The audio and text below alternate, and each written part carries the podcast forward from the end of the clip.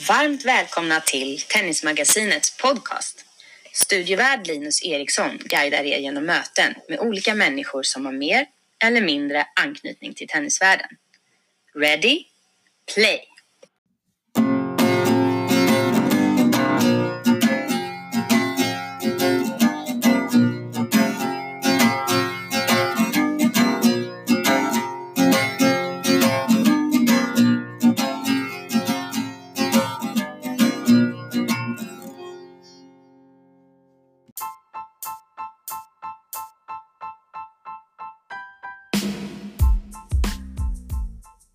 Henrik Ekersund är en 45-årig göteborgare med en gedigen erfarenhet av att arbeta med tennisen i en rad olika roller.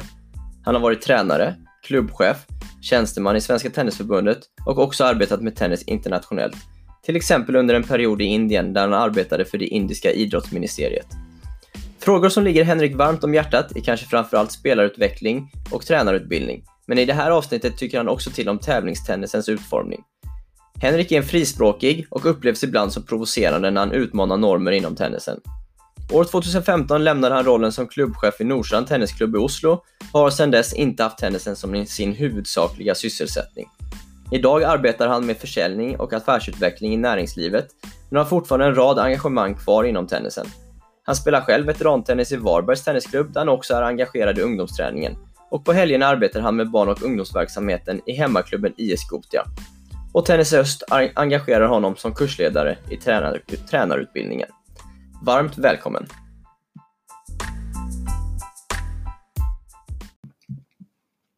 Då sitter jag här med Henrik Ekersund eh, för ett nytt avsnitt av podcasten. Välkommen Henrik! Tack så mycket! Det är otroligt roligt att du vill vara med och jag ser, ser verkligen fram emot att prata lite tennis med dig.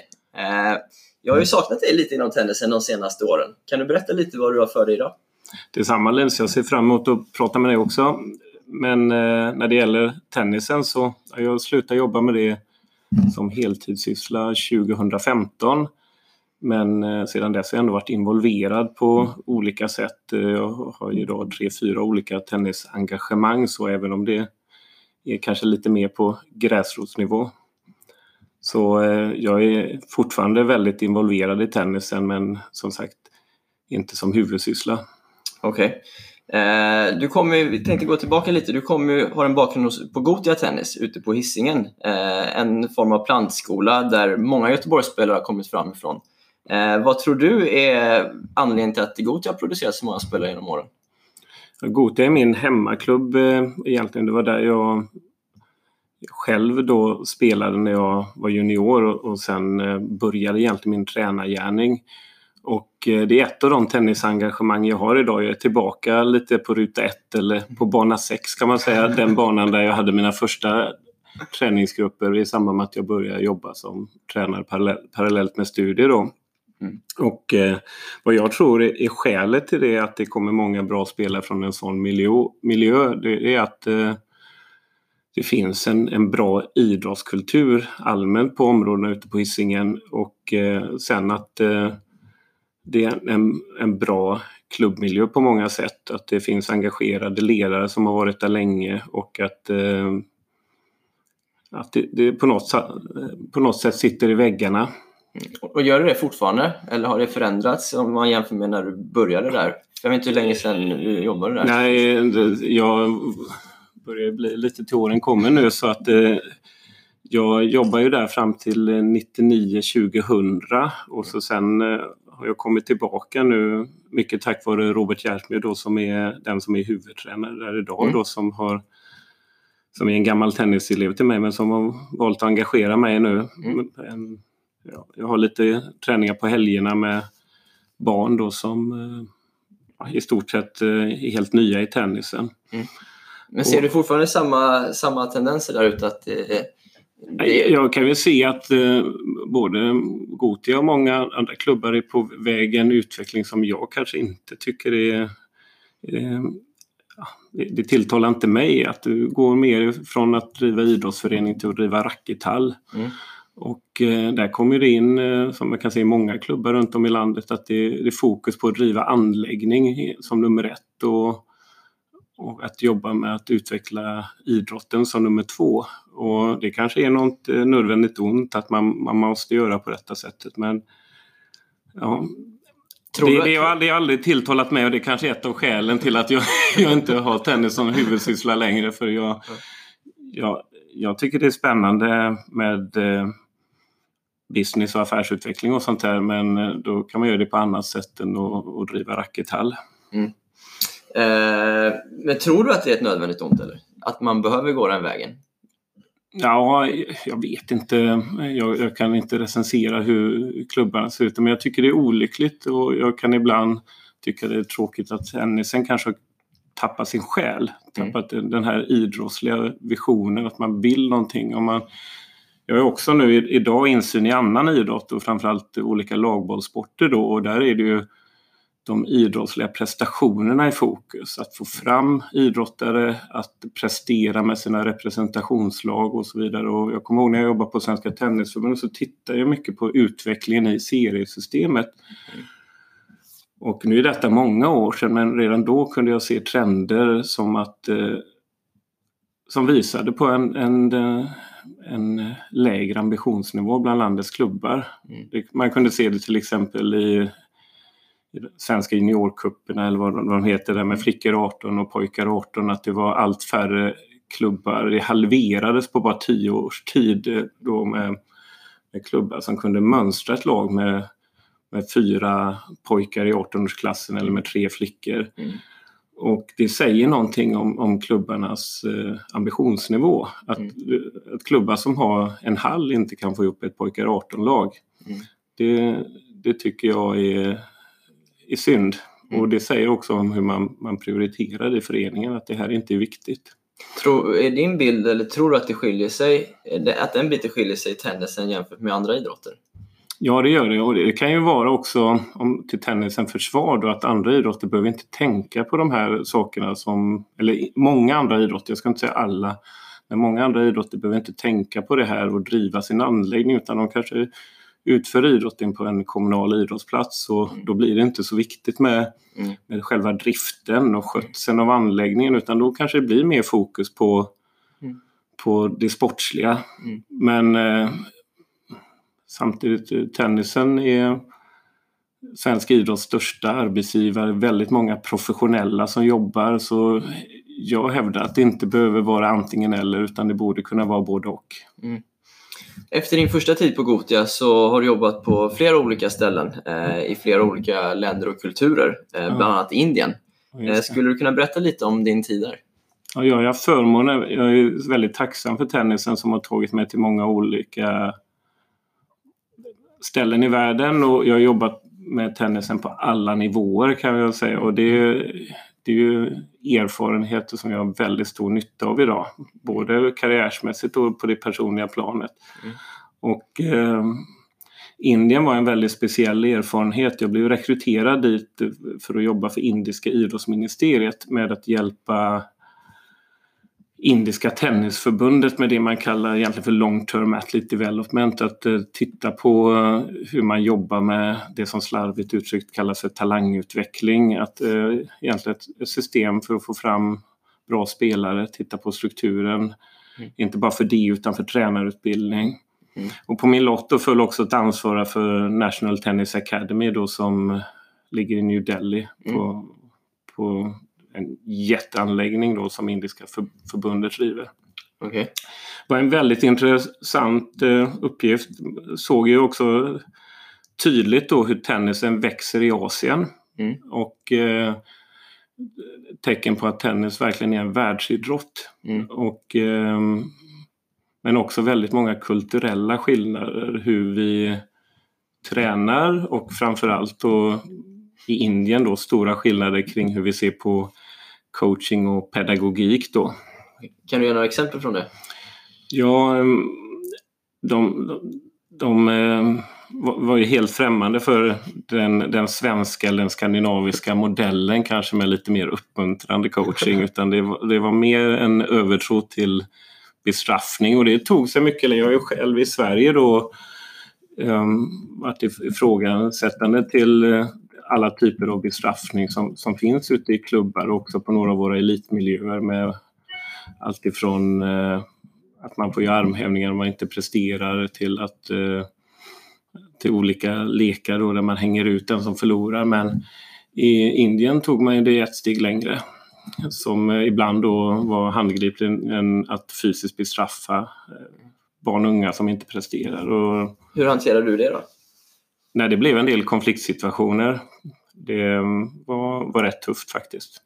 Tror, tror du i en sån situation att du behöver anpassa dig lite grann till den kulturen du är i? Eller stod du på det att det här tycker inte jag är rätt? Ja, jag vet. Jag, jag stod på mig där men det är ju alltid lätt att vara efterklok och säga att det där borde jag inte ha gjort och så kan det ju ha varit i flera situationer i min man ska säga det, karriär som ledare inom, inom idrotten att ibland kanske det hade varit bättre att tiga än att, säga någonting men jag hävdar ju det att vara tyst och, och inte säga någonting det är också en ås åsikt och om, om någon blir fysiskt bestraffad och slagen med en käpp i bambu så det är klart eh, det, det är tufft att och leva med det, att du inte gjorde någonting i den situationen. Så det är klart att eh, det var inte jättesmidigt att gripa in men det var samtidigt, eh, och det har också satt käppar i hjulet för min, min fortsatta utveckling inom tennisen. För det blev väldigt rabalder efter det där men eh, jag, jag skäms inte för att jag grep in när någon slog ett barn. Mm, mm.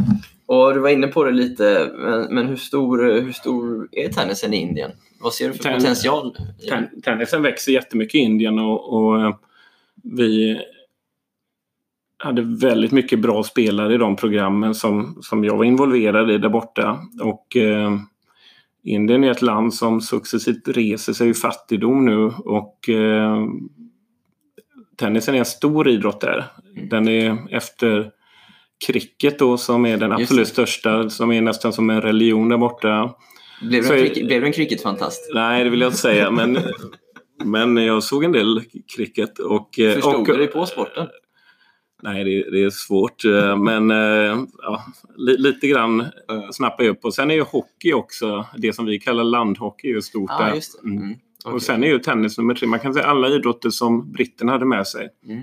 Ah, okay. I stora. Så det finns ju många rätt fina tennisanläggningar där borta. Mm, mm. Okay. Mm. Och hur står sig eh, tennisen i Asien? Den växer sa du? Den, den, växer och jag tror det är också viktigt när man diskuterar svensk tennis att ha en förståelse för att tennisen är en av världens största idrotter. Mm. Och eh, på många ställen i världen så är den på frammarsch. Mm. Och, och eh, vi kommer ofta tillbaka till det här, vi inte tycker att svensk tennis har utvecklats på det sättet som vi skulle vilja och, och så vidare. Men, men eh, jag ska inte säga att konkurrensen har blivit den har väl blivit tuffare men det är fler som försöker än vad det var tidigare. Och ehm, just det att det är en global idrott och att eh, många lite yngre tennisnationer satsar och, och tar sig fram på lite annorlunda sätt. Det är väldigt positivt för idrotten men det gör ju att det blir tuffare för ett land som Sverige att hävda sig i en sån här stor global idrott. För att konkurrensen är hårdare? Konkurrensen är hårdare, fler, eh, fler som håller på mm. och... Eh, fler som tränar hårt? Ja, fler som tränar hårt. Eh, att det är fler spelare som försöker. Det gör också att det här att slå sig in på touren, det tar längre tid än vad det gjorde tidigare och så. Tror, tror du den generella spelaren och tränaren i Sverige förstår hur tufft det är? Hur många det är som verkligen satsar hårt på sin tennis? Om du säger som borta i Asien, det finns ja. otroligt många spelare. Ja, det, det, kan, kan hända och vi hamnar ju ofta när vi ska diskutera detta detta liksom hur tufft det är och jag tror att många kanske förstår men många har också en övertro till hur tufft det är för att mm. jag, när jag pratar med tränarkollegor, om jag fortfarande får inkludera mm. mig i, i tränarkollegiet, så, så kan man säga det här att väldigt mycket handlar ju om att diskutera, kommer Linus bli någonting eller kommer han inte bli? Är han tillräckligt mm. bra? Jobbar han tillräckligt hårt? Mm. Och jag tror att vi hade blivit mycket mer konkurrenskraftiga om, om jag som din coach hade bara haft inställningen att jag ska göra Linus så bra som möjligt. Mm. Mm. Istället för att hela tiden jämföra och undra om det här räcker. Hur hade det varit om han mötte någon? Eller är mm. detta tillräckligt bra? Och, mm. och för det, vi faller lätt in och blir dömande.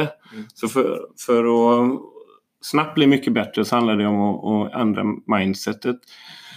Jobba med det vi har, gör så bra som möjligt och inte fokusera på det man kallar för external focus eller liksom mm. det som är, ligger runt omkring. Mm. Gör så bra vi kan med, med det materialet vi har. Mm. För jag tror inte jag, innan jag flyttade till Indien så var det ofta så här att man hamnade i diskussion med, med, eh, med tränare som tyckte att ja, barnen i Sverige är så bortskämda, de är inte hungriga. Och när jag var i Calcutta så hade jag förmånen att träna hungriga barn och, och det var Ja, det var ingen hit i heller så jag tar hellre mätta än hungriga barn om jag får välja. ja. Förutom eh, Indien så har du även eh, jobbat en period i Norge. Om det var stora kulturskillnader i Indien, såg du några skillnader mellan Norge och Sverige? Ja, det, det såg jag och eh, man kan väl säga så att tennisen i Norge är på frammarsch det finns många bra spelare men, men vad jag förvånas över när jag kom till Sverige, eller till Norge, det var att det var mycket, mycket större skillnad mellan Sverige och Norge än vad jag trodde. Mm. Och eh, i, i, i, Norge är det jättedyrt att spela tennis. Okay. Så tennisen är inte tillgänglig för alla på, på samma sätt som den är i Sverige. Men, men, jag ser ju en utveckling i Sverige där vi styr åt Norges håll samtidigt som vi är frustrerade för att vi inte är en ledande tennisnation igen. Så blir det allt dyrare att vara med i tennis i Sverige och det blir allt dyrare att tävlingsspela. Och eh, där det kanske är den absolut viktigaste strategiska frågan att hantera för svensk tennis om man långsiktigt vill etablera sig som en framgångsrik tennisnation. Kortsiktigt kan vi nå goda resultat med att enstaka individer gör bra ifrån sig men vi vill verkligen flytta fram positionerna så måste vi göra tennisen mer tillgänglig och det är väldigt mycket en socio socioekonomisk fråga. Mm.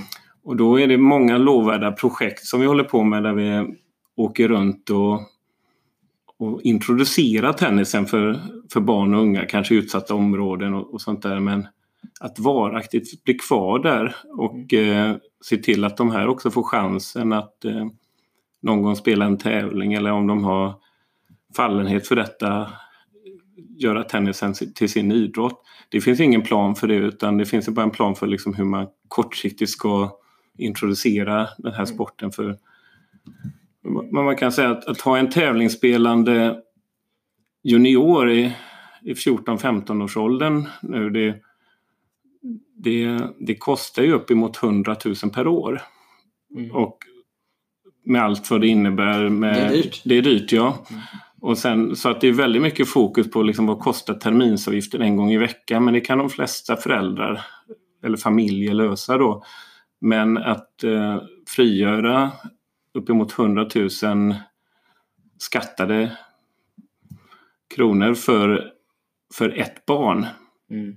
Det är en, ett väldigt litet urval som vi får att jobba med då. Mm. Och eh, när jag åker runt och tittar på tävlingar, för jag, jag är själv ute ibland och eh, ibland i min hemmaklubb får jag hoppa in också och kanske vara tävlingsledare och sånt där, så, så ser jag ju väldigt mycket andra generationens eh, tennisspelare eller kanske till och med tredje generationen. Alltså det är barn som tävlar där föräldrarna också var tennisspelare. Och eh, det är ju jättepositivt att man har samma intressen som sina barn. Mm. Men eh, det brukar vara ett tecken på att en, en, idrott är på väg utåt om det bara är, eller utför, om det mm. bara är barn till sådana som för, tidigare har varit aktiva själva som håller på. Då. Mm, mm. Men tänker du att, vi, att med de här projekten nu när man ska få personer in till tennisen, att vi fokuserar på fel grejer? Eller att vi inte har tänkt hela vägen fram? Vi har inte tänkt hela vägen fram. Att, um, vi, vi, måste se över liksom, tävlingsstrukturen. Klubbarna måste jobba mer med att uh, ha en idrottslig ambitionsnivå, att få ut spelare på, um, på tävlingsarenan. Inte bara egentligen driva kursverksamhet där man lär ut olika slag utan verkligen se till att det sätts ihop till ett spel och att man lär sig hela spelet inklusive matchmomentet. Mm. Och, ehm, och, man, och det, är inte, det är inte omöjligt på något sätt men du måste tänka lite grann utifrån lagidrottens perspektiv. Då, hur gör vi för att få med alla? Mm. Och eh, det här handlar inte bara liksom att bredda tennisen utan det finns också evidens för att detta är det bästa sättet att få fram en elit. För att har man grupper med ungdomar som satsar gemensamt då mm. i närområdet mm. så har det väldigt positiv påverkan på, på elitutvecklingen också. Okay. Men är den, om man tar tävlingstennisen då, den nationella konkurrensen svag mm. eller den regionala konkurrensen svag då så, så blir det svårt att i en sån miljö utvecklas till en internationell toppspelare. Du har tidigare jobbat med utvecklingsfrågor inom Tennisförbundet. Jag är lite intresserad av din bild av vilka personer som rekryteras till tennisen. Ja, jag har ju inte liksom, aktuella uppgifter där men jag kommer ihåg när jag tittade på de här frågorna så såg jag ju att eh, tennisen som idrott på den tiden jag jobbade med detta och det är ju 2012, det är åtta år sedan. Så, eh, så lyckades tennis väl, tennisen väldigt väl med att locka barn till våran idrott då. Vi, vi var väl eh, bland de fem största barn och ungdomsidrotterna om man tittade på antal sådana lokstödsmarkeringar på, på den tiden. Så gick jag in och tittade på det för det var ju fantastiskt goda nyheter att eh, största individuella idrotten bara tre, fyra stora lagbollsporter framför oss när det gäller rekrytering. Det ser otroligt lovande ut. Mm. sen gick jag in och tittade lite grann på de siffrorna så såg jag att majoriteten av alla barn slutar inom loppet av två år. De flesta stannar bara ett par terminer. Mm. Och eh, då vände jag lite grann på begreppen och så sa jag att jag tror inte vi kan se en, ett barn eller en ungdom som rekryterad förrän de verkligen är inne i tennisen. När de kan stå bakom baslinjen och serva in i servrutan och räkna 15-0 och de, de kan utföra tennis på tävlingsnivå. Mm. Och vi säger ju slarvigt eh, då att tennis är en jättebra idrott, en tennis, eh, tennis är en idrott för hela livet men statistiken talar emot oss. Tennis är en idrott som man håller på med i, i ett, kanske max två år och sen tar man aldrig upp racket igen. Mm. Men jag tror du det ser annorlunda ut i andra idrotter? Nej, det vill jag inte säga. Jag tror det hör kanske till det här att man provar många olika idrotter under uppväxtåren. Mm. Och att det i grunden är, är någonting positivt i det. Men eh, vi borde ha en plan för hur vi lyckas med att hålla kvar fler. Mm. Och eh, jag har varit intresserad av den här frågan så att nu har jag tack vare Robert Jätner på Gotia fått chansen att testa på och, eh, och köra barnträning med mm. sex grupper med Mm. med barn som är nybörjare i tennis och testa att introducera tennisen på ett annat sätt. Då. Mm.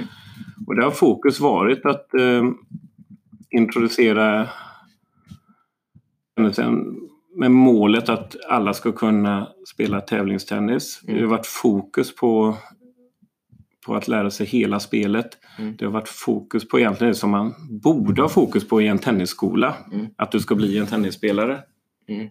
Men du menar, det du säger mellan raderna är att och fokus ofta ligger på andra bitar då? Eller? Att ja, eller kanske barnen. inte genomtänkt. Ehm, jag är väldigt ofta opponerat mig mot hur vi organiserar barn och ungdomsträningen i Sverige. För att vi kallar det tennisskola men egentligen är det ingen skola för vi lär oss inte vi lär oss inte tennis. Och eh, nu är jag kanske väldigt provocerande när jag säger detta men om om du till exempel ska gå en kurs Linus och lära dig någonting mm. och så anmäler du dig till en gitarrkurs eller en, en kurs i silversmid eller vad sjutton det är för någonting. Mm. Eller en kurs i att ta skepparexamen. Mm. Så är kursen upplagd på ett sådant sätt att nu när du är klar med kursen så, så kan du segla eller kan du lägga till i en hamn mm. med en mm. båt.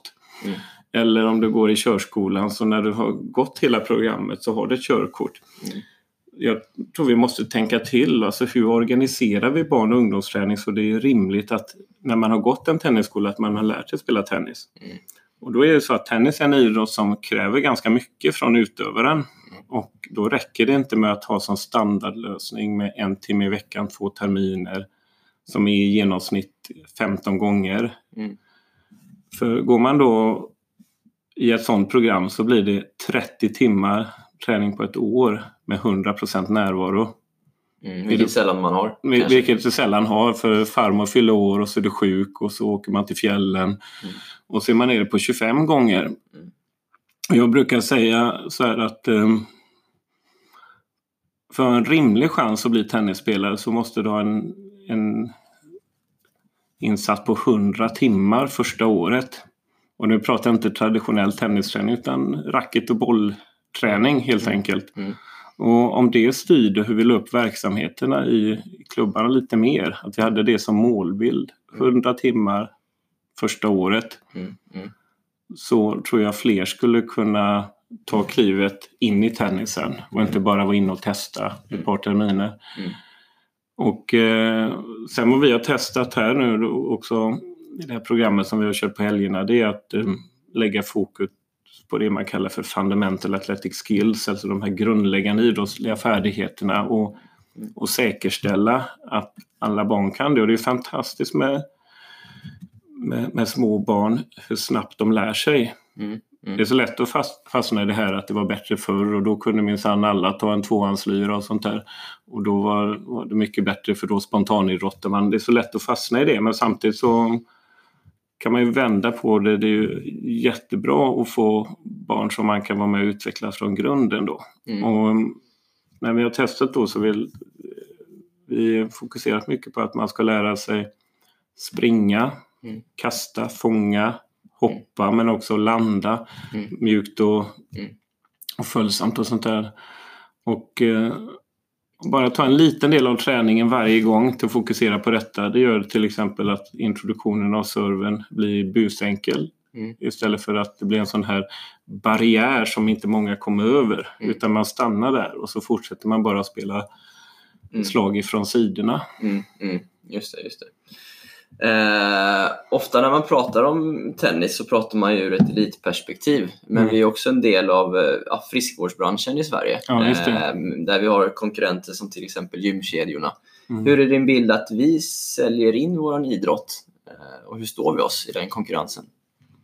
Ja, vi, vi bevisligen duktiga då på att sälja in oss till barn och unga eftersom vi har många som är i våra barnverksamheter. Mm. Dock med reservation för att det är i hög omsättning på de här barnen. Många slutar, många byts ut. Mm, mm. Sen, sen säger vi slarvigt så här att eh, det går bra för tennisen i storstadsregionerna men vi har liksom ingen sån här omvärldsanalys. För mångt och mycket beror ju det på det man kallar för urbanisering. Att Mhm. människor flyttar till storstadsregionerna. Stockholm, Göteborg och Malmö växer. Mm. Och det byggs inte så där jättemycket nya tennisanläggningar. Därför ökar trycket på de tennisanläggningar som är. Mm. Speciellt också de som är då minskar antalet banor och bygger annan verksamhet. Till exempel padel. Till exempel paddel eller annat då som man, man gör då. Och det är ju att andelen tennisbanor per capita då blir ju lägre.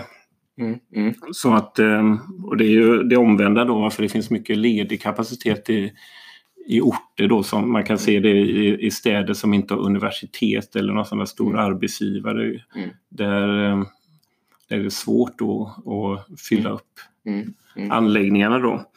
Men om, om man tittar på det här med eh, friskvård, det gäller ju framförallt vuxna då. Och eh, där, där, där har det ju varit en utveckling där man kan se då att det ökar med kursverksamhet för, för vuxna och olika program och sånt. Men jag, jag tror att vi har mycket att lära från den här industrin då, för det är ju verkligen industrin och kanske den snabbast växande industrin i Europa med hälsa och friskvård och Det måste det- växa. det växer jättemycket och det kan man se i padden då, om man sneglar på den då så kan man ju se att den växer enormt Mm. snabbt och framgångsrikt. Men det finns andra sådana trender också.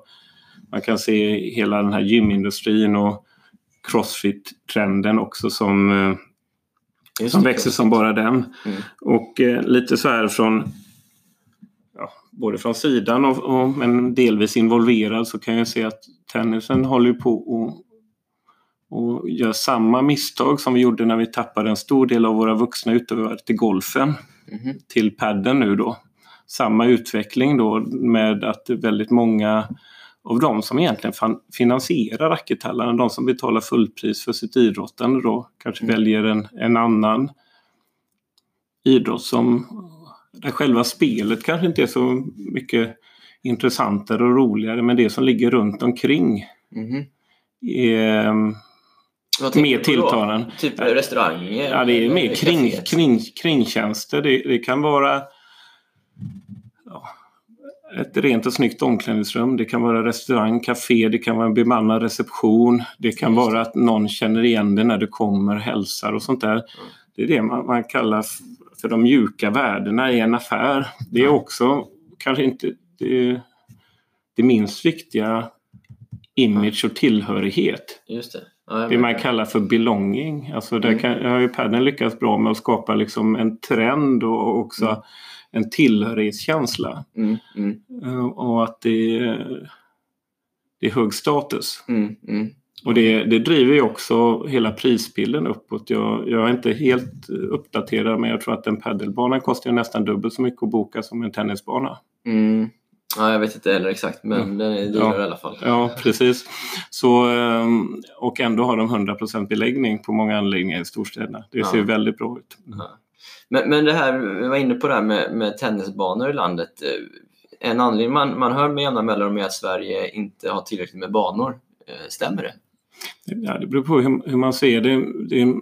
Det är ju under det som kallas för högsäsong här då. Det är de här 15 till 20 veckorna på hösten och 15 till 20 veckorna på våren parallellt med barnens skolår och som man driver organiserad träning. Mm. Då är det fullt men vi har ju förhållandevis många tennisbanor i, i Sverige. Sen är det många som är dåligt skötta och, och så som verksamheten bedrivs idag då så har vi för hög andel utomhusbanor och för liten andel inomhusbanor eftersom det är väldigt mycket fokus på inomhussäsongen då. Just det.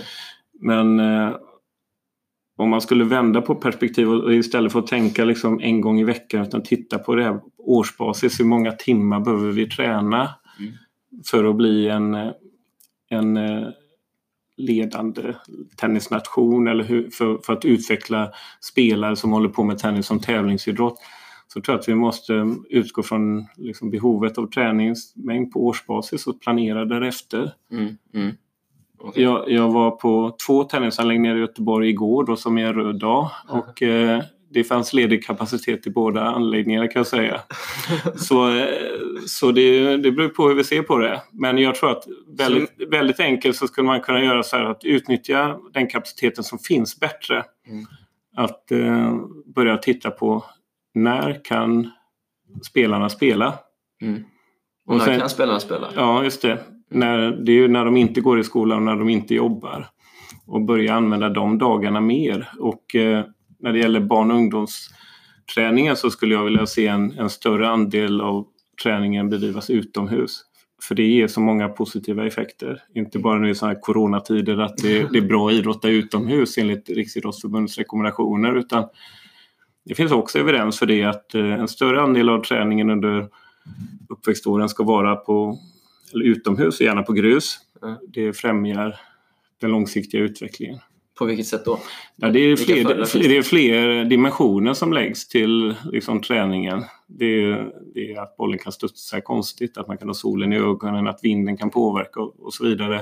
Mm. Och tränar du bara inomhus, eller en stor andel av träningen är inomhus, då, så blir du mer känslig för att ha solen i ögonen eller motvind Mm. eller medvind eller vad det nu kan vara. Då. Just det, just det. Just det. Ja, så, och det är koordinativt då eller fönstret för inlärning av, koordinativa egenskaper ligger ju ganska tidigt och det är då du lär dig till exempel hantera en felstuds. Och, och börjar du ganska sent i, i din tenniskarriär och, och träna på grus då Mm. så kommer du få problem med det. Ja, ja. Mm.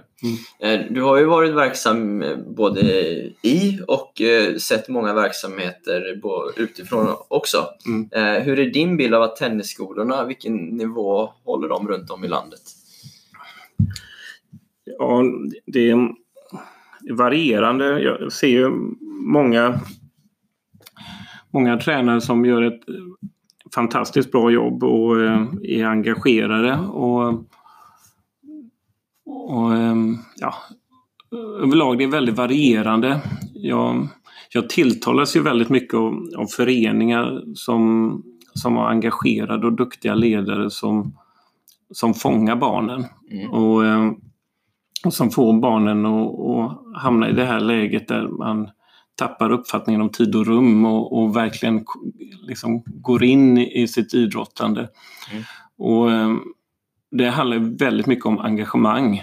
Mm. Jag har jobbat mycket med utbildningsfrågor och sånt där, med att ha engagerade och kunniga ledare i det vi kallar för tennisskola eller barn och ungdomsverksamhet skulle jag vilja kalla det istället. Det är otroligt viktigt.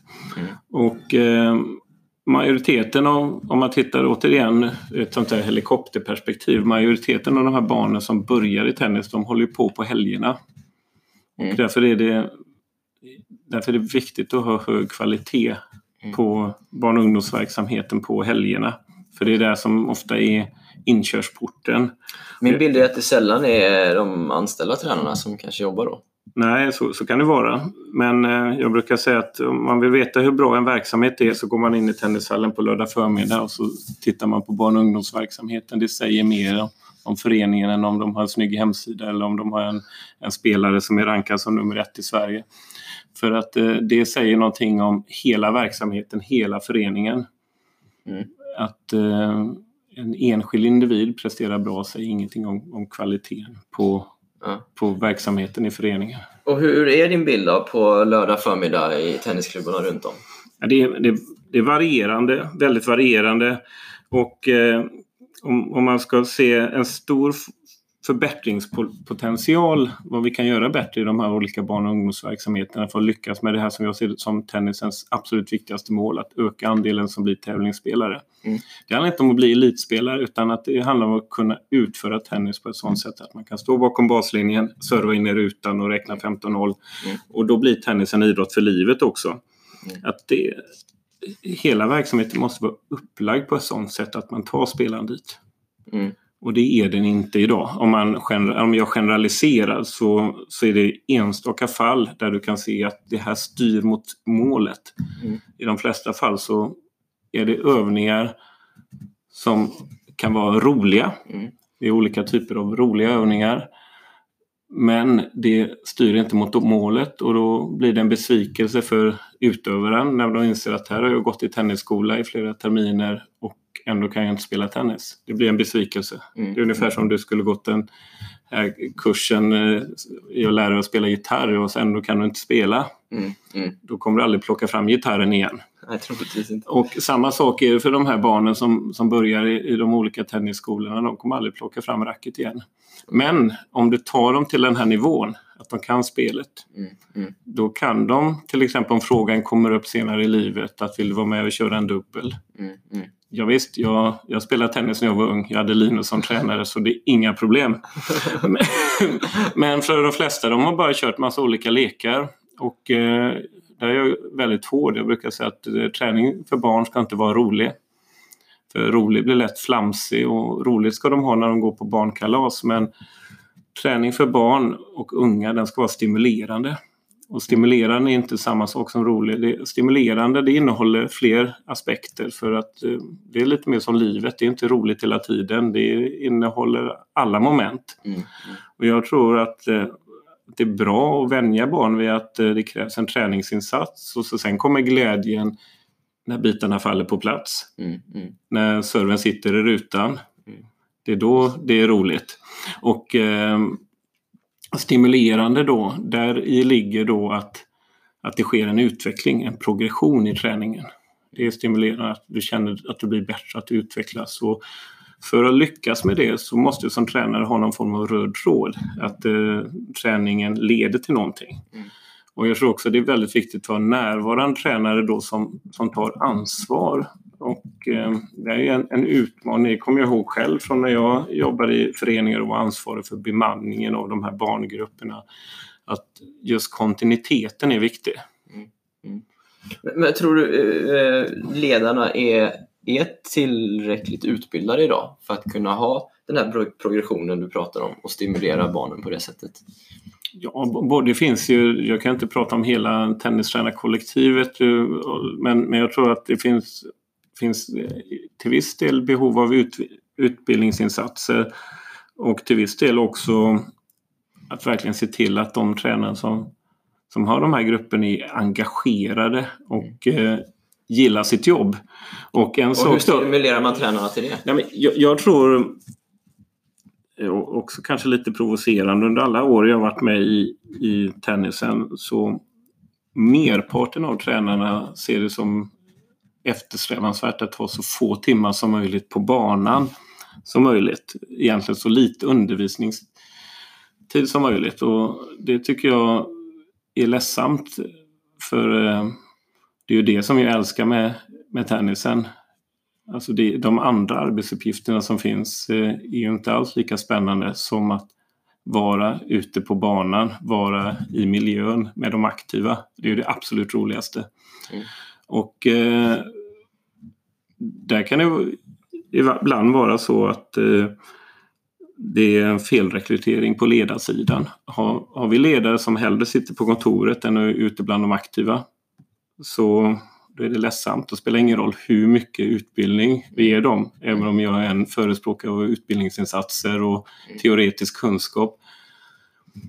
Så måste man älska det här. Och eh, jag kan själv berätta, jag jobbar idag i näringslivet och satt i, i möten hela onsdagen och så bara såg fram emot att eh, arbetsdagen skulle ta slut och jag skulle åka till eh, stenbrottet i Varberg och träffa de andra tränarkollegorna där och så köra träning i en fantastisk eh, tennismiljö. Mm, mm. Helt underbart. Mm. Och den energin och den glädjen som jag kommer ner på banan med. Jag, kan säga, jag tror jag aldrig varit en bättre tennistränare än vad jag är idag. Mm, mm om jag hade jämfört det med att jag hade suttit i en tennishall i ett rum utan fönster och gjort administrativa uppgifter så är det klart jag kommer inte in med samma engagemang nej, Som, som jag gör nu i en sån här situation. Så jag tror det är jätteviktigt att, att försöka ja, verkligen se till att man har de mest engagerade tränarna och också ha en förståelse för att vara idrottsledare. Det är en, en väldigt viktig roll i samhället. Men handlar det om att liksom eh, hitta rätt personer till eh, den här tjänsten eller handlar det om för en klubb att hitta ett sätt att motivera sina, sin anställda personal? Ja, jag, jag skulle vilja säga att det handlar ju i alla sådana här yrken till exempel, jag jobbar i en säljorganisation idag. Mm. Och eh, jag, jag, leder en säljorganisation och där är det viktigt för mig att få säljarna älskar mötet med kunden. Mm. Och ju fler möten med kunden, desto mer lönsamt blir vårt bolag. Det är som en tennisklubb på Ja, och på, på, samma, samma sätt kan man säga att eh, en advokat måste älska jobbet i rätten. Mm. En fastighetsmäklare måste älska att jobba på söndagar för det är då man visar lägenheter eller hus. Och en lärare måste älska att stå inför klassen. Mm. Stå upp inför klassen och undervisa. Man måste älska sitt eh, Man måste älska sitt jobb, ja. Och, ja. Ehm, och därför kan jag säga att eh, jag är så inspirerad av, av, av de tränarna som, som har det här livslånga engagemanget och in, intresset mm. för att jobba med kärnverksamheten, mm. jobba med idrotten och vara närvarande ute på banan, ute på tävlingar och så vidare. Mm. Men, nu har vi pratat om, mm. om eh, ledarna här. Eh, någonting man, vi ibland pratar om också är ju vilka spelare, eller vilka juniorer som kommer in till tennisen. Får vi mm. in de rätta talangerna till, till idrotten idag tycker du? Till vår idrott, tennis? Talang är ett väldigt laddat begrepp sådär för att eh, och där på, man kan hålla konferenser om, om det där. Vad, vad, är, vad är en talang och är det arv och miljö och sånt där och om det tvistar de lärde så jag, jag tror att eh, om man tittar på alla de här barnen som testar på tennis. Mm. Om du åker till vilken klubb som helst här i Göteborgsregionen så har de 3, 4, 500, ibland 600 barn i sin barn och ungdomsverksamhet. Och att i, i den gruppen säga att det, ja, vi har inget spelarmaterial då är det, så provocerar så här, då är det dåliga ledare. Okej. Okay. Ja. Mm. För att om man får så stort urval och ändå inte lyckas sälja in tennis som täv tävlingsidrott till ens 10 procent av dem. Mm. Då måste man tänka om. Hur jobbar vi med vårt koncept? Mm.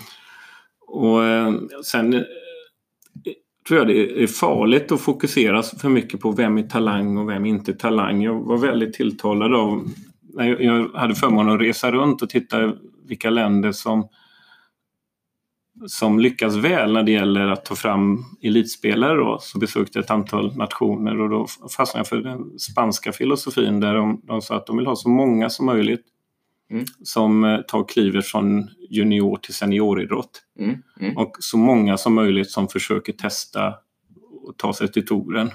Okay. De letar inte efter nästan Nadal utan de bara organiserar träning och tävling på ett sådant sätt så att så många som möjligt kan bli senioridrottare. Mm. Men det låter som det här mm. liksom uttryckt att en bred bas skapar en topp. Ja, men det, det, är inte så. För i så fall har vi ju en jättebred bas med många som testar. Men det handlar nog om att man ska ta och titta på sådana här saker som starter i tävlingar och så vidare. Hur många av landets regioner får ihop en flickor 18-klass till exempel?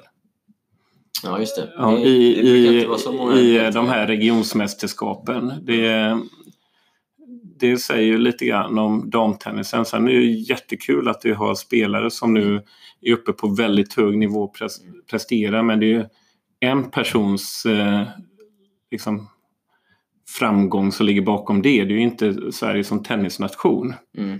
Det tror jag också är viktigt som, som förbund eller som, som idrott att undvika att sätta upp mål som individer kan uppnå. Mm. Till exempel, eh, det är jättekul att vi har gått upp i Davis Cup men det är en handfull spelare mm. som kanske bidrar till det lite för det har varit rätt många som har varit med under Helsbergs tid som Davis Cup-kapten och mm. bidragit till den här resan. Mm. Men eh, ibland sätter vi upp mål som kanske en eller två spelare kan uppnå för hela nationen mm. istället för att titta på hur ska vi skapa mål som alla kan knyta an till. Till tennistränarna och de, de som sitter i styrelserna i samtliga landets klubbar. Och där tror jag återigen öka andelen som utför tennis som tävlingsidrott. Det är absolut viktigast att göra. Jag är lite nyfiken, eh, Henrik, kring eh, svensk tennis ambitionsnivåer. Tycker du ibland att vi lägger ribban för lågt? Jag touchade lite grann vid det ämnet tidigare och jag tror att eh, det är viktigt att ha mål där alla knyter an och det, det, tror jag nu att vi har en färdriktning där fler kan knyta an än tidigare. För jag tror det var mer vanligt förekommande att det fanns mål som bara enstaka individer kunde uppnå. Jag, kom och, jag var frustrerad när jag jobbade med utvecklingsfrågor i Svenska Tennisförbundet och tyckte vi hade mycket bra och spännande tankar på gång men så vann Thomas Johansson Australian Open och så tyckte alla okej, okay, det är inga problem. Vi behöver inte ändra någonting. Och, och då, det, det, får vara lite grann eh, ja, ja, det, det, det, kände jag liksom, det nådde en person en, en idrottslig framgång och så drog hela nationen slutsatser utifrån att nej det är ingen fara, vi, vi behöver inte ändra någonting. Bara för han, men men jag, jag, tror att eh, nu, nu finns det en, en, färdriktning och mål som kanske mer styr i den riktningen som, som jag pratar om här.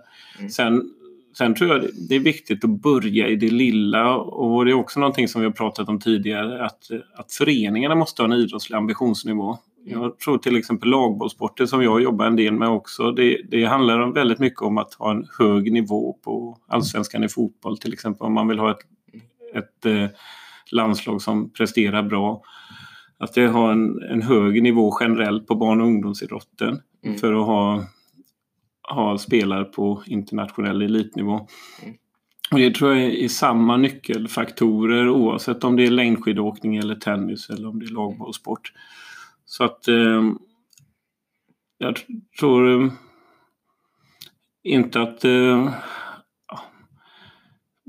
ambitionsnivån eller målsättningen måste brytas ner och jag skulle gärna se i bästa av världar att fler föreningar hade en sportslig ambitionsnivå och det var det absolut viktigaste på agendan.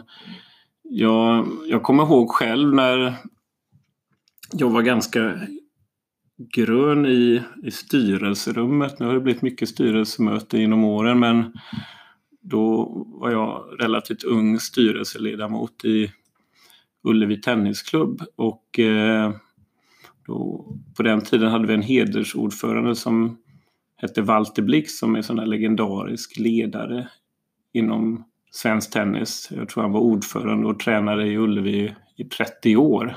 Okay. Han var också den som grundade föreningen Svensk Elittennis och så.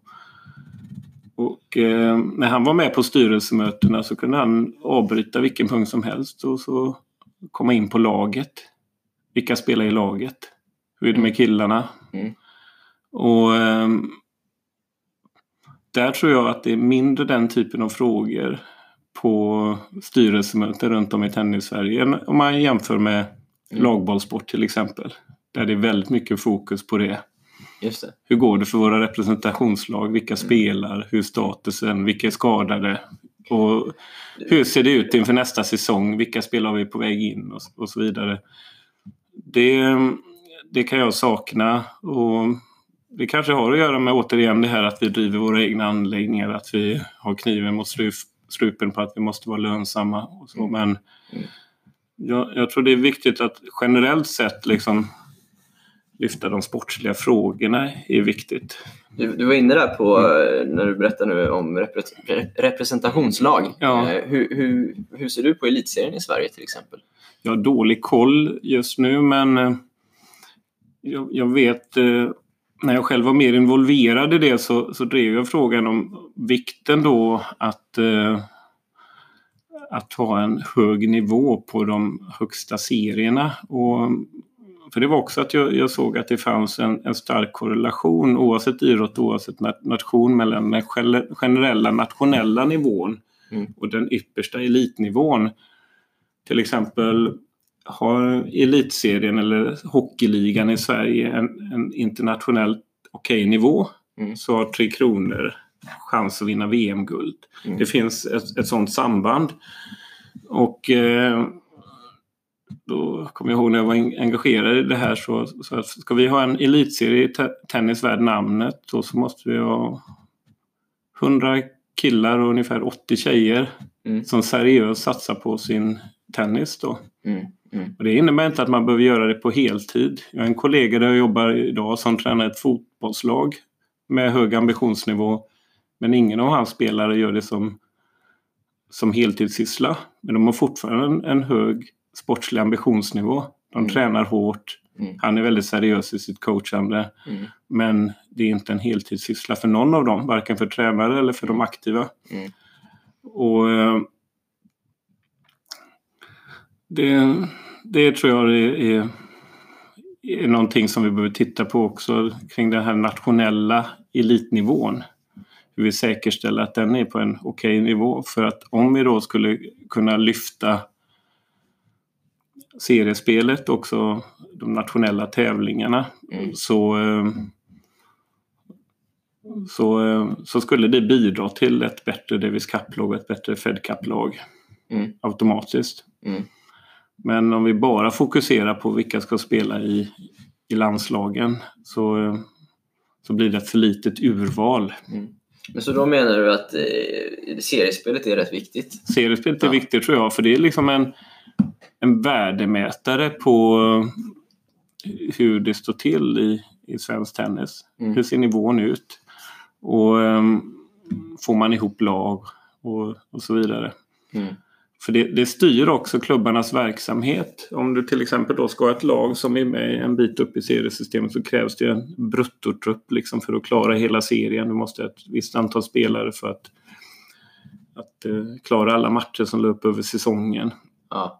Och då har du inte det så behöver du fylla på underifrån och det styr liksom barn och ungdomsverksamheten att man ska ha fram egna produkter och så. Hur ser du på det här med att man, om ett elitserielag, eller säg att en klubb ligger i elitserien och mm. man eh, stärker upp truppen med spelare som normalt sett inte har sin bas eh, där hemma? Ja, jag, har, jag har inga synpunkter på det men om, om jag själv skulle vara i en roll att jag var verksam i en förening så skulle jag tycka att det var, var roligt om man hade en balans emellan eh, rekryteringar utifrån och eh, egna produkter. Mm. Det är ungefär som i lagbollsporten också. Det, det säger lite grann om klubben och, och deras eh, man ska, spelarutvecklingsprogram om de lyckas få fram spelare som tog klivet upp i, i representationslaget.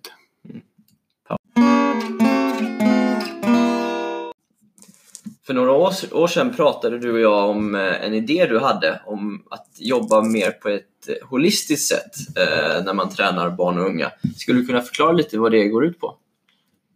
Det är egentligen med, med vetskapen eller med förståelsen för att väldigt mycket hänger ihop. Att, jag, jag har under min tid som, som tennistränare varit väldigt intresserad av tennisteknik. Men ju mer jag har lärt mig om det så inser jag att allting hänger ihop. Att för att kunna utföra saker tekniskt sett då, så krävs det en viss styrka. Mm. Det krävs en viss koordination. Mm. Det krävs också mentala förmågor för att eh, kunna utföra de här sakerna. Till exempel en av de viktigaste eh, parametrarna för att tekniskt sett kunna utföra en rörelse det är att tajma in och utandning rätt. Mm. Och det finns en stark koppling till eh, de psy- psykologiska aspekterna. Spänner du dig, tänker du jag får inte missa, så håller du i regel andan när du slår till bollen. Mm. Och då får det konsekvenser för slaget. Då. Så att eh, jag har försökt nu i de tennismiljöerna jag vistas i nu då att, att eh, jobba så mycket holistiskt som möjligt. Att eh, inte vara antingen eller utan att väva samman allting. Och den förståelsen eh, den har ju utvecklat mig väldigt mycket som, som tränare. Och det är också det när jag beskriver de här barnverksamheterna som är involverade på helgerna så, så handlar det ju väldigt mycket om att testa och jobba med det här Mm. egentligen helhetstänket. Så för att lära sig en serv så, så krävs det att man har utvecklat en kaströrelse. Mm. Och sen eh, väljer jag att introducera serven på ett sätt då där, där vi inte lägger så mycket fokus på att du måste stå bakom linjen eller måste serva i rutan utan vi bara säkerställer att man gör en riktig kaströrelse och en, en underhandspronation.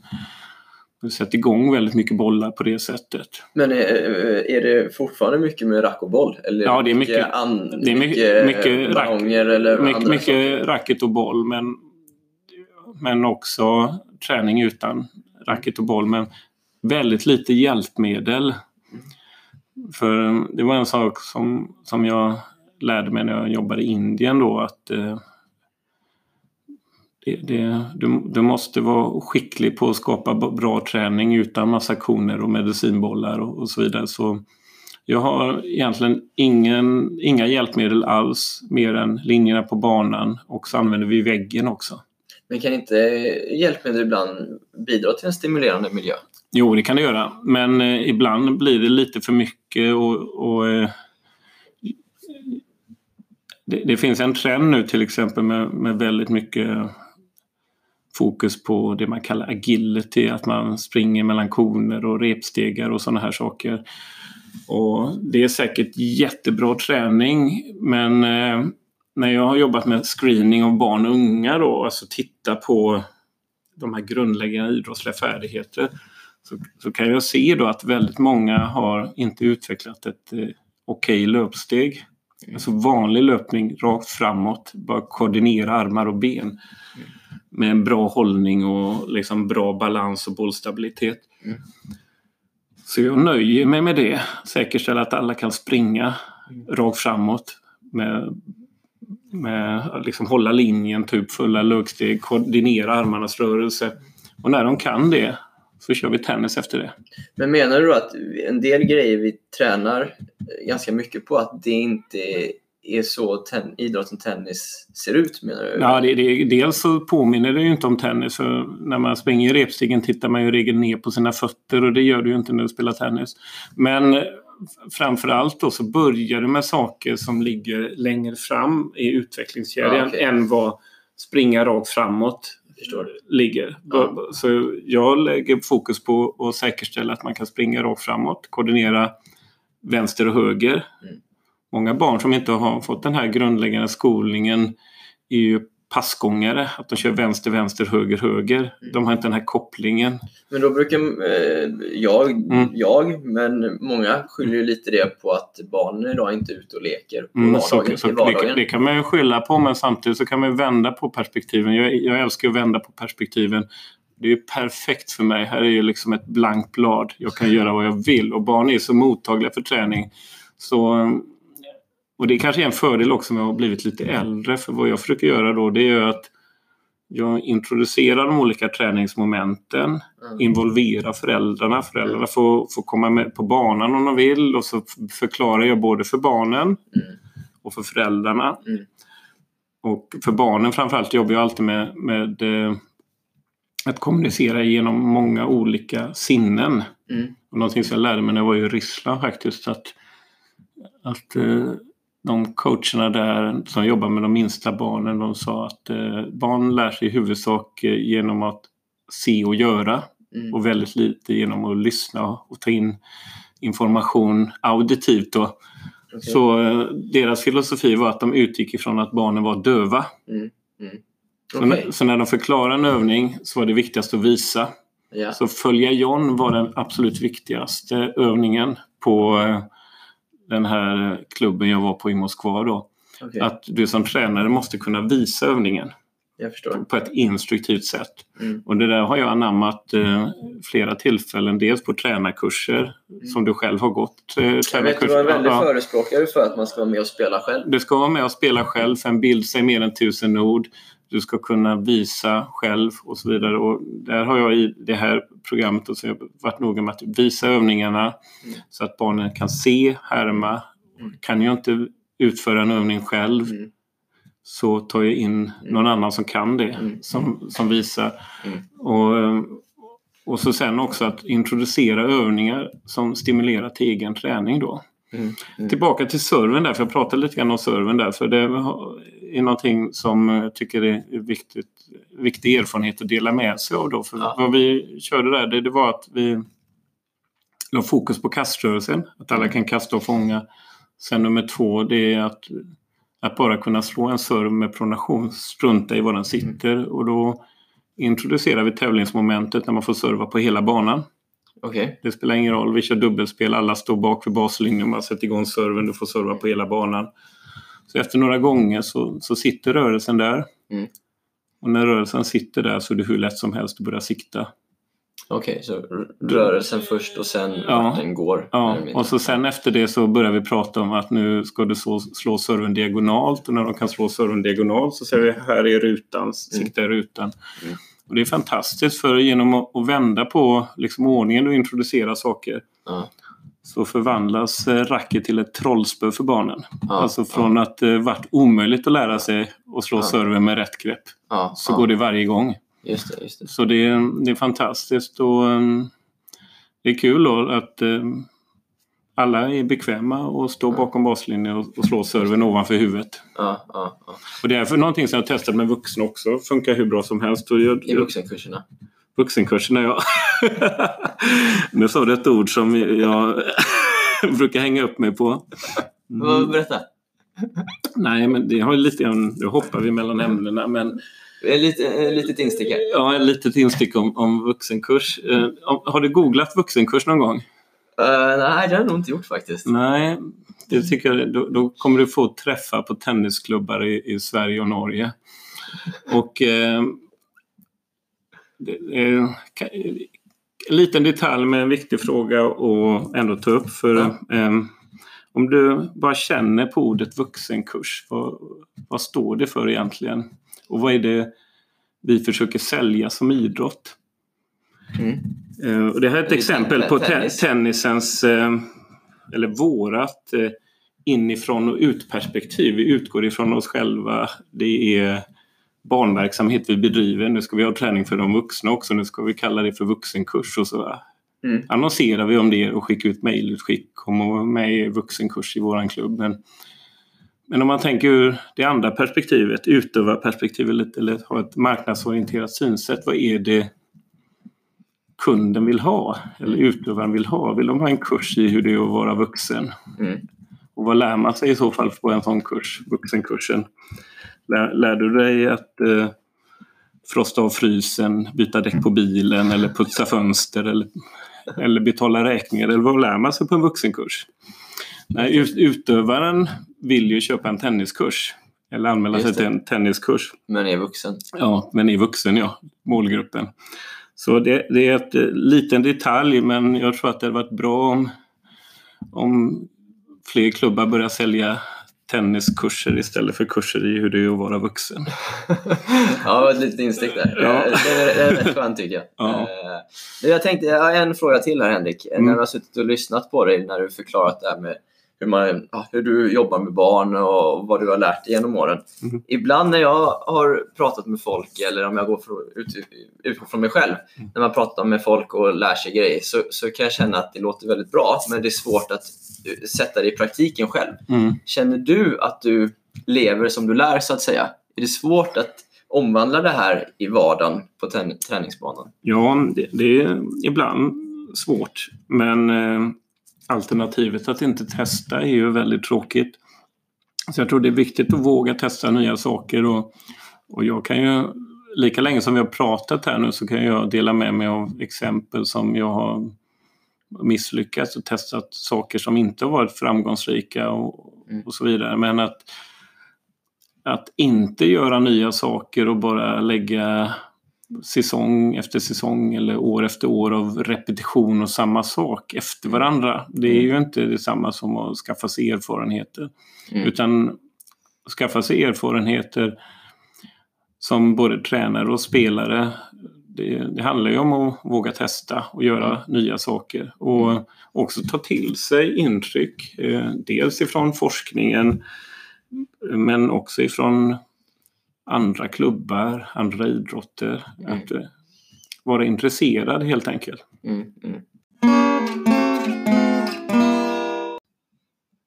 Då har vi sista stycket här Henrik eh, och då kommer jag eh, ställa lite frågor hämtade från eh, olika podcaster. Första frågan, vad är det senaste du ändrade uppfattning om? Ja, det, jag, jag kan säga så här att eh, tidigare, och det kanske också var, har, har med ålder att göra, så tidigare så var jag mer tvärsäker i saker och ting. Och, och eh, nu när jag blivit äldre så inser jag att det här med att ändra uppfattning, det är inte någonting negativt utan det är någonting som är något som är viktigt att kunna göra. Och eh, så det, det ser jag som en styrka. Jag ändrar uppfattning hela tiden om saker och ting. Och det har nog att göra med att jag har blivit mer trygg i mig själv och känner att det är, är helt naturligt. Om, om, man ska ta, om jag ska ta ett exempel som är anknutet till tennis då så, så har jag ändrat uppfattning i väldigt många olika saker. Det kan vara synen på, som vi har pratat om tidigare här, med hur vi introducerar barn och ungdomsidrotten. Mm. Jag har ändrat uppfattning mycket kring det här med hur, hur vi ska planera och organisera träningen. Mm. Så det finns massa saker och ibland kan jag se tillbaka på, på saker som jag gjort tidigare som ja, nästan lite skamset titta tillbaka på vad jag har gjort och sånt. Men, men jag tror det är bra att ändra uppfattning och att eh, inte vara för tvärsäker. Och det är också en sån här människor som är tvärsäkra och som säger så här är det, det är ju, har jag lärt mig är farliga människor. Ganska innovativt svar. Du, du har alltså ändrat uppfattning om att ändra uppfattning. Mm. Ja, ja. precis. Ja.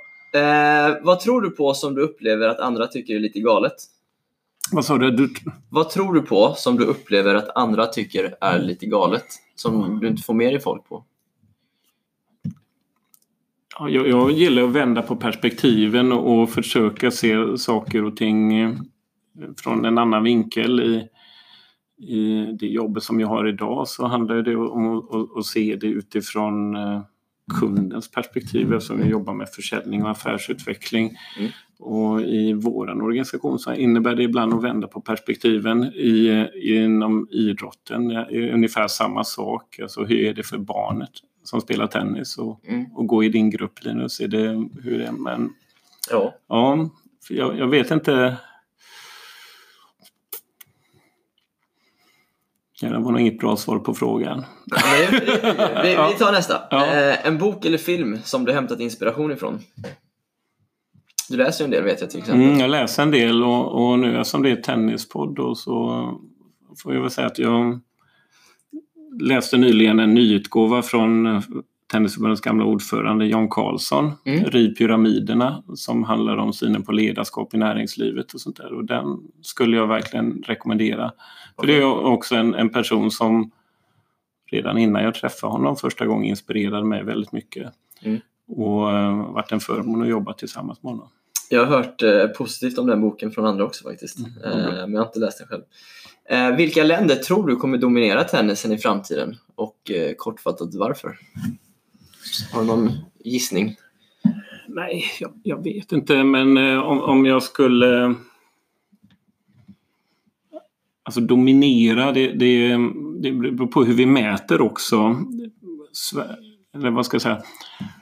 Världsettan kan vara från vilken nation som helst, men eh, länder som har en, en stor andel spelare på touren, om det är detsamma som att dominera till exempel en, stor andel eh, tar spelare på på topp 100, eller en stor andel spelare på topp 100, så, så är jag övertygad om att det kommer vara länder som, som har en generellt sett hög nivå på tennisen i, i landet. Många klubbar som har en bra verksamhet. Att det generellt sett är en hög nivå, inte bara liksom på barn och ungdomsverksamheten utan går du in på en klubb i Frankrike så är det okej spel på samtliga banor. De flesta spelar okej tennis. Mm, mm, Och att det är fler som spelar än som går kurs. mm, Det mm. tror jag är viktigt. Men ja, jag är inte tillräckligt uppdaterad och har inte tillräckligt bra insyn i exakt vilka nationer det är. Men min magkänsla är att de här eh, som har varit dominerande ett tag befäster sin position. Okej. Ja. Och ehm, Ja, det är, det är en känsla, men jag är inte helt, helt uppdaterad. Men jag tror att som tennis är en global idrott, en individuell idrott. Det finns massa egna race överallt runt om i världen. Så kan... ehm, Enstaka spelare kan- enstaka spelare kan ta sig hela vägen. Det kan vara en, en världsetare både från Schweiz och ifrån Sydkorea. Det kan vara från hela världen. Ja. Men att ha ett system som kon- kontinuerligt levererar spelare på en hög nivå, då, då krävs det vissa sådana här nyckelfaktorer som att tennisen är en bred idrott, att det är en stor tävlingsidrott, att det generellt sett är en hög nivå på, Mm. på, på utövandet i landet. Och sista frågan, eh, Henrik. Eh, vill du rekommendera någonting? Rekommendera någonting? Ja, det vet jag inte. Klassiska värvet-frågan här. Eh, nej, jag, jag, vet inte om jag ska... Jo, jag skulle kunna rekommendera någonting då till, till de som lyssnar som, som jobbar inom idrotten då att eh, ta intryck från annan idrott. Det är någonting som har utvecklat mig väldigt mycket i mitt ledarskap. Det är bra. Och under en period när jag jobbade med spelare som var satsande, både junior och seniorspelare, så, så använde vi någonting som vi kallar för mönsterbrytare. Att vi, vi med viss eh, kontinuitet och ställde in eh, den ordinarie träningen för att bryta mönstret. För att eh, oavsett vad, vad du gör, om du jobbar hårt, du jobbar väldigt mycket, så behöver du energi. Och då var strategin att bryta mönstret och göra någonting helt annat. Och då testade vi på att träna annan idrott. Så vi körde friidrott och boxning och allt möjligt. Mm. Och ehm, det gav väldigt mycket energi och också erfarenheter som vi sen tog med in i den vanliga träningen. Det var fysövningar från boxningen, det var uppvärmningsövningar från friidrotten och sånt där. Och det utvecklade både mig och de aktiva. Så att ehm, Många tennisklubbar ligger ju på ett sådant sätt också att man har de andra idrotterna nästgårds. Mm. Att byta erfarenheter med eh, andra tränare och andra idrottsutövare tror jag är en väldigt bra grej. Så det är mitt sista tips. Ja, som du gjort lite idag. Mm. Ja, nu har inte jag kommit med så mycket, men jag har fått ta del av din kunskap i alla fall. Ja, Ta- tack för att du tog din tid Henrik. tack så mycket Linus.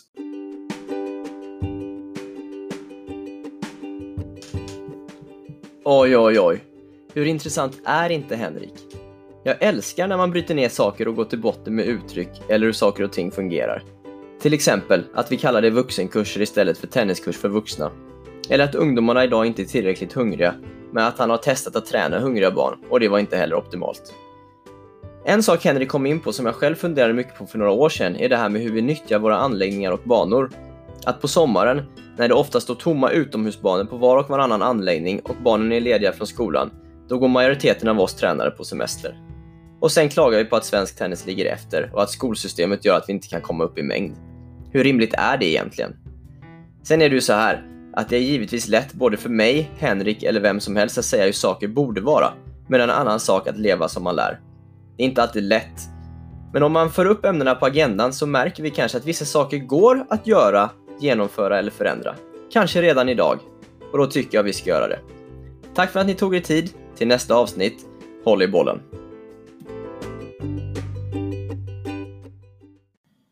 Svenska Tennismagasinet är landets ledande magasin om tennis och belyser såväl internationell som svensk tennis på alla nivåer. Magasinet kommer ut med sex nummer per år och vill ni veta mer så surfa in på tennismagasinet.se. För att komma i kontakt med mig går det bra att mejla på linus.eriksson tennismagasinet.se. Vi hörs i nästa avsnitt!